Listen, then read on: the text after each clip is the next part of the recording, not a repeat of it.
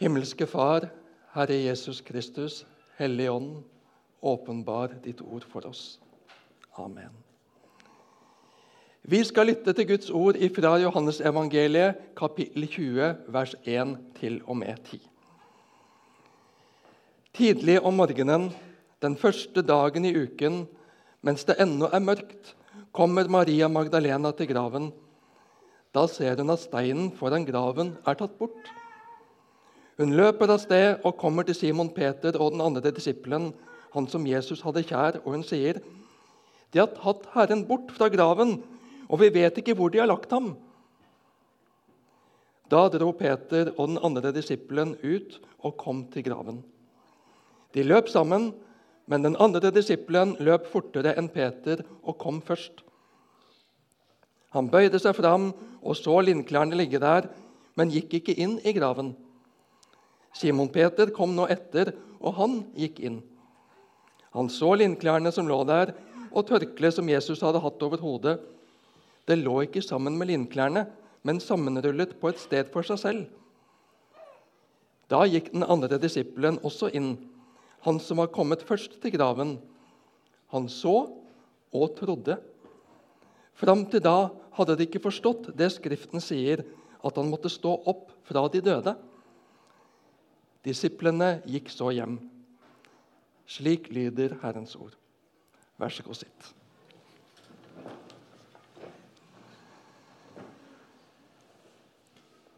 For Maria Magdalena var det ikke snakk om å ligge frampå.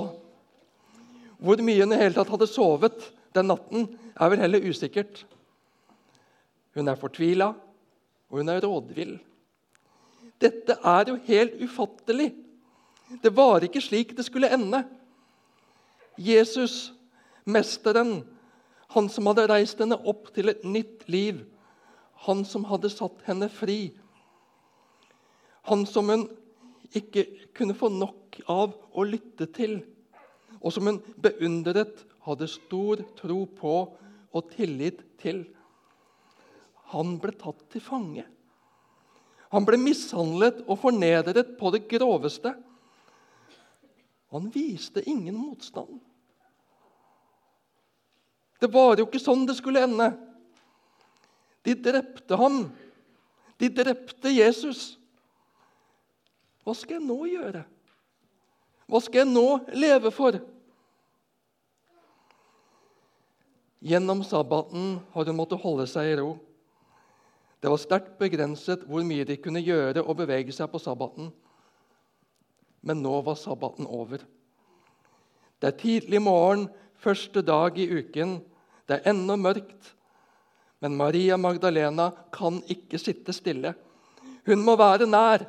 Hun må være så nær hun kan komme, selv om Jesus er død. Hun må ut til graven.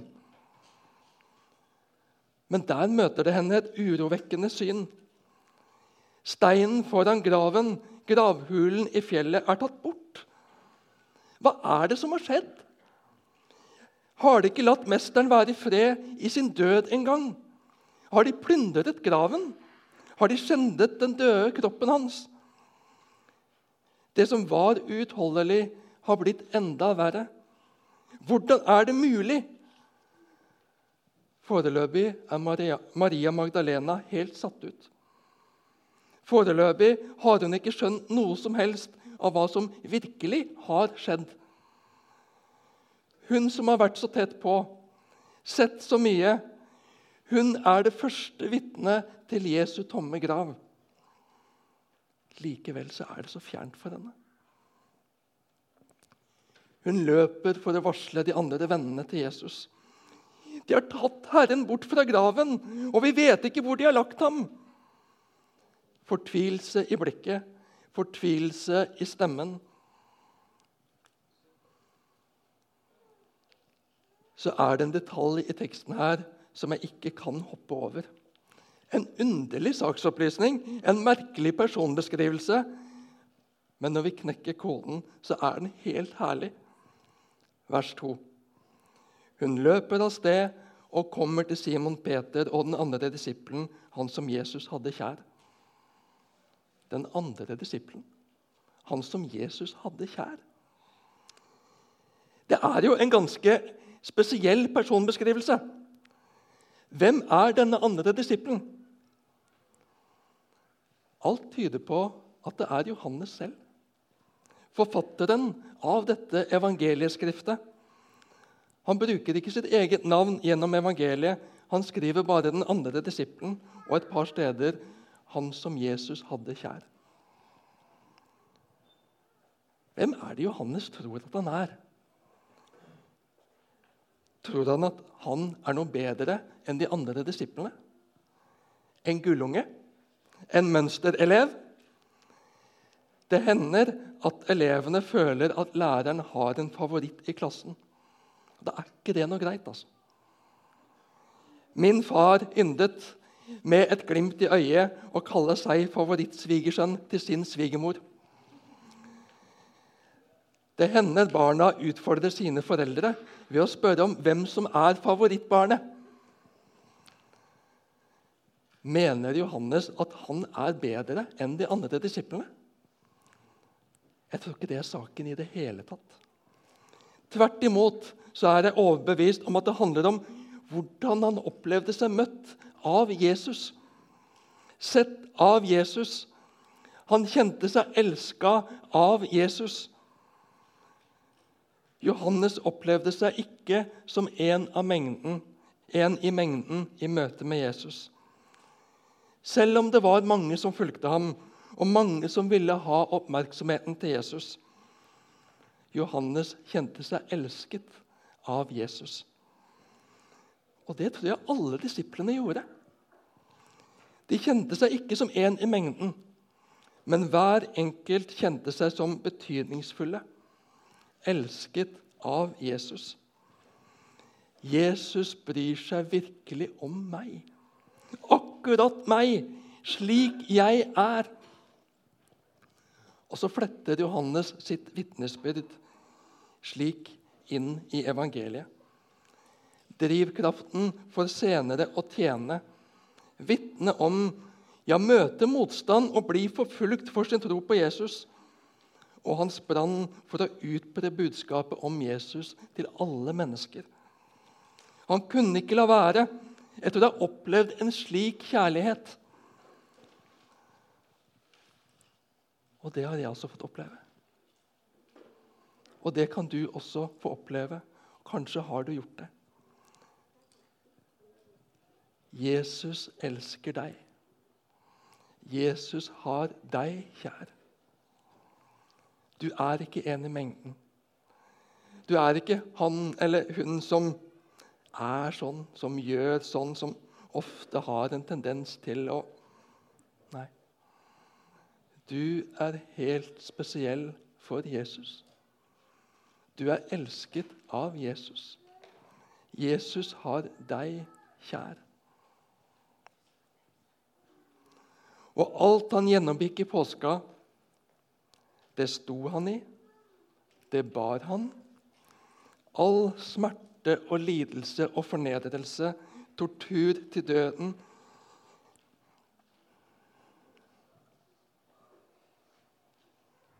Det gikk Jesus igjennom i kjærlighet til deg.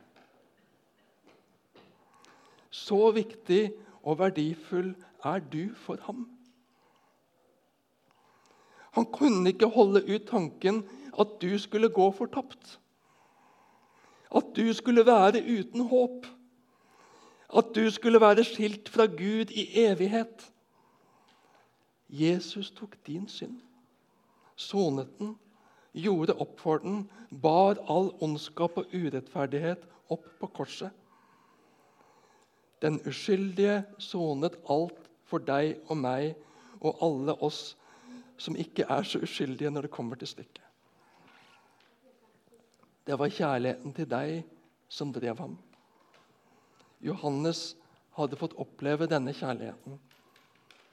Har du fått oppleve den? Du kan få oppleve den og ta imot den.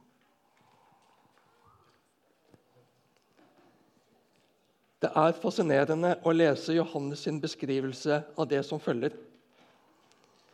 Da dro Peter og den andre disippelen ut og kom til graven. De løp sammen, Men den andre disippelen løp fortere enn Peter og kom først. Han bøyde seg fram og så linklærne ligge der, men gikk ikke inn i graven. Simon Peter kom nå etter, og han gikk inn. Han så linklærne som lå der, og tørkleet som Jesus hadde hatt over hodet. Det lå ikke sammen med linklærne, men sammenrullet på et sted for seg selv. Da gikk den andre disippelen også inn, han som var kommet først til graven. Han så og trodde. Hvorfor så mange ord, Johannes? Hvorfor så mange detaljer? Er det nødvendig med så mange detaljer? Ja, for Johannes er det nødvendig. Selv om det kanskje har gått flere tiår fra den dagen han opplevde dette, til han skrev det ned, så sitter dette som spikra. Dette var ikke bare noe som var blitt fortalt han. Dette hadde han sett og opplevd med egne øyne. Det sitter som spikret. Alle detaljer. Det har vært sjelsettende for ham. Det snudde opp ned på alt sammen. Det som var tidenes største skuffelse og nedtur da Jesus ble tatt fra dem, torturert og drept uten å vise motstand, det åpner seg. Og et nytt lys kommer inn. Og Johannes begynner å erkjenne at dette er noe radikalt nytt. Noe helt annerledes. Noe grensesprengende, ja, livsforvandlende. Ikke bare for ham, men for alle mennesker. Dette er et historisk vendepunkt. Men det er ikke alle som vil se. Det er ikke alle som vil tro. Ja, det skulle ikke gå mange timene før helt andre rykter skulle spres. Men detaljene avslører ryktenes urimelighet. Soldatene som voktet graven, de er ille ute. De hadde sprunget inn i byen og varslet overprestene om hva som hadde skjedd. At en engel hadde steget ned fra himmelen, rullet steinen til side og sagt at Jesus var stått opp fra de døde. Etter at overprestene og eldstene har samrådd seg, så gir de soldatene en solid pengesum og instruerer dem om å si at Jesus stjal, Jesu disipler stjal liket mens de selv sov. Ja, men Det er jo dødsstraff for en soldat å sovne på post. Slapp av, vi skal fikse dette. vi skal ta oss av det. Skulle det komme landshøvdinger for øret, så skal vi ta oss av det. Dere er helt trygge. Og Soldatene gjorde som de fikk beskjed om, og satte ut ryktet om at disiplene hadde stjålet liket mens de sov. Og mange trodde det. Men den som vil gå det tettere etter i sømmene, vil se at det faller på sin egen urimelighet. For det ene hvilken soldat ville innrømme å ha sovnet på post da det innebar å bøte med livet, noe som ikke skjedde? For det andre åstedet avslører at her har det ikke funnet sted noen gravplyndring eller likrøveri. Om noen skulle liste seg forbi et sovende vakthold, klare å rulle vekk den svære steinen fortsatt uten å vekke vaktene. Ville de da pakke ut liket før de tok det med seg? Hvorfor i all verden skulle de det? Men Johannes kan bevitne som øyenvitne til den tomme graven. Linklærne, likklærne, lå igjen i graven. Og ikke bare det. Tørkleet Jesus hadde hatt over hodet, lå ikke sammen med linklærne, men sammenrullet på et sted for seg selv. Her har det ikke funnet sted noen gravplyndring eller likrøveri. Likklærne lå igjen, fordi det var ikke lenger noe lik. Her har en oppstandelse fra de døde funnet sted. Ufattelig, men sant. Det hadde forvandlet disiplenes liv fullstendig. De som hadde flyktet og gjemt seg, de som hadde banna på at de ikke kjente Jesus, de er nå villige til å dø for sin tro. Dø for vitnesbyrdet om at Jesus var stått opp fra de døde. Ja, med ett unntak døde de alle som martyrer for budskapet de ikke kunne holde for seg selv. Da gikk den andre disippelen også inn, han som var kommet først til graven. Han så og trodde. Johannes så og trodde. I fortsettelsen står det fram til da hadde de ikke forstått det Skriften sier, at han måtte stå opp fra de døde. Noe begynte å gå opp for Johannes. Jeg tror ikke at Johannes til fulle grep storheten i Jesu oppstandelse der og da. Hva oppstandelsen virkelig innebærer, hvor grensesprengende og håpefullt det er. Men han så og trodde. Og den nye dagen begynte å gå opp i hans hjerte og sinn. Det som hadde stått i Skriftene hele tiden, men som ikke helt hadde gitt mening. Der gikk det nå opp et lys for Johannes. Som en soloppgang som bryter horisonten og fortrenger mørket og gir mer og mer lys og varme og preger mer og mer alt som den når. Så er det jo nesten litt snodig hvordan tekstavsnittet vårt for dagen slutter. Disiplene gikk så hjem. Realitetene var der. Oppstandelsen var et faktum. Jesus' seier over døden var et faktum. Det var ikke det, var ikke det onde, urettferdigheten, dødskreftene som vant. Jesus vant. Livet vant. Den onde og det onde var beseiret. Men disiplene gikk hjem. De dro ikke umiddelbart ut på gater og streder for å fortelle. De var fortsatt redde. De var fortsatt desillusjonerte. De trengte å få det forklart. De trengte å få det åpenbart. Leser vi videre i kapittelet, kan vi lese at Jesus kom til dem på kvelden samme dag. Han hilser dem med fred. Han viser dem sine naglemerkede hender og føtter. Ja, det er virkelig meg. Dere ser ikke syner. Det er ikke ønsketenkning. Jeg har virkelig stått opp. Og Jesus skal vise seg flere ganger over en 40-dagersperiode før han drar opp til himmelen. Og det er først ti dager deretter at disiplene virkelig ser sammenhengene, blir fylt av en ny frimodighet og glede når Den hellige ånd kommer over dem. Men det avgjørende har skjedd. Jesus ble ikke beseiret av den onde. Det var ikke Satan som fikk siste stikk. Alt var ikke over da Jesus døde en ufattelig smertefull død på korset. Korset var det avgjørende vendepunktet i historien. Jesu død på korset var oppgjøret med ondskapen og urettferdigheten. Vi mennesker er ikke i stand til å bære det og gjøre opp for det selv. Gud gjorde opp for oss. Gud hadde allerede 2000 år i forveien vist Abraham den smertefulle vei han måtte gå, ved å ofre sin egen sønn, som han elsket så høyt. Om han bare kunne spart ham og selv ofre seg selv i hans sted, en enorm smerte. Men Abraham ble spart. Isak ble spart. Men Gud ble ikke spart. Han sparte ikke seg selv. For så høyt har Gud elsket verden, at han ga sin sønn den enbårne, for at hver den som tror på Han, ikke skal gå fortapt, men ha evig liv. Han ga seg selv for å vinne oss tilbake til seg. For å fri oss fra syndens evigvarende konsekvenser, et liv der Gud ikke er. Fri oss fra fortapelsen, fra det vi ofte kaller helvete.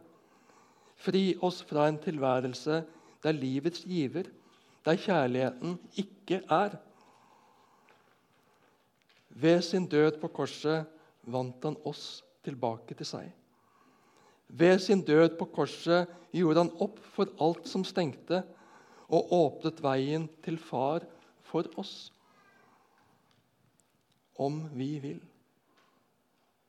om vi vil ta imot hans betaling i tro. Johannes så og trodde. Og det skulle etter hvert få livsforvandlende betydning.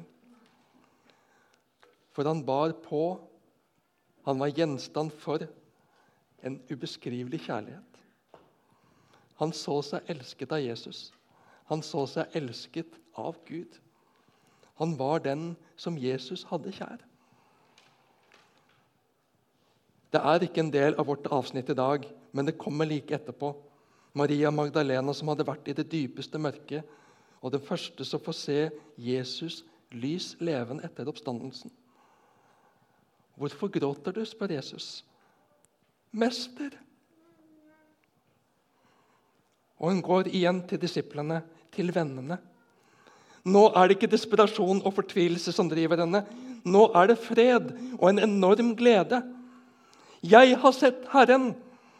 Og hun fortalte hva han hadde sagt til henne. Oppstandelsen er en realitet. Jesus er oppstått fra de døde. Og vi skal en dag, om vi dør før Jesus kommer igjen, bli oppreist fra de døde. Døden er ikke det siste. Dødens makt er tross alt sterkt begrenset. Jesus har overvunnet døden og den åndes makt. Jesus er seierherre, og han skal du og jeg få tilhøre. Han skal vi få følge og lytte til. Vi skal få fortelle om alt han har sagt og gjort, og vi skal få vitne om han som har meg kjær. Han lever. Hellige Gud, hellig oss i sannheten. Ditt ord er sannhet. Amen.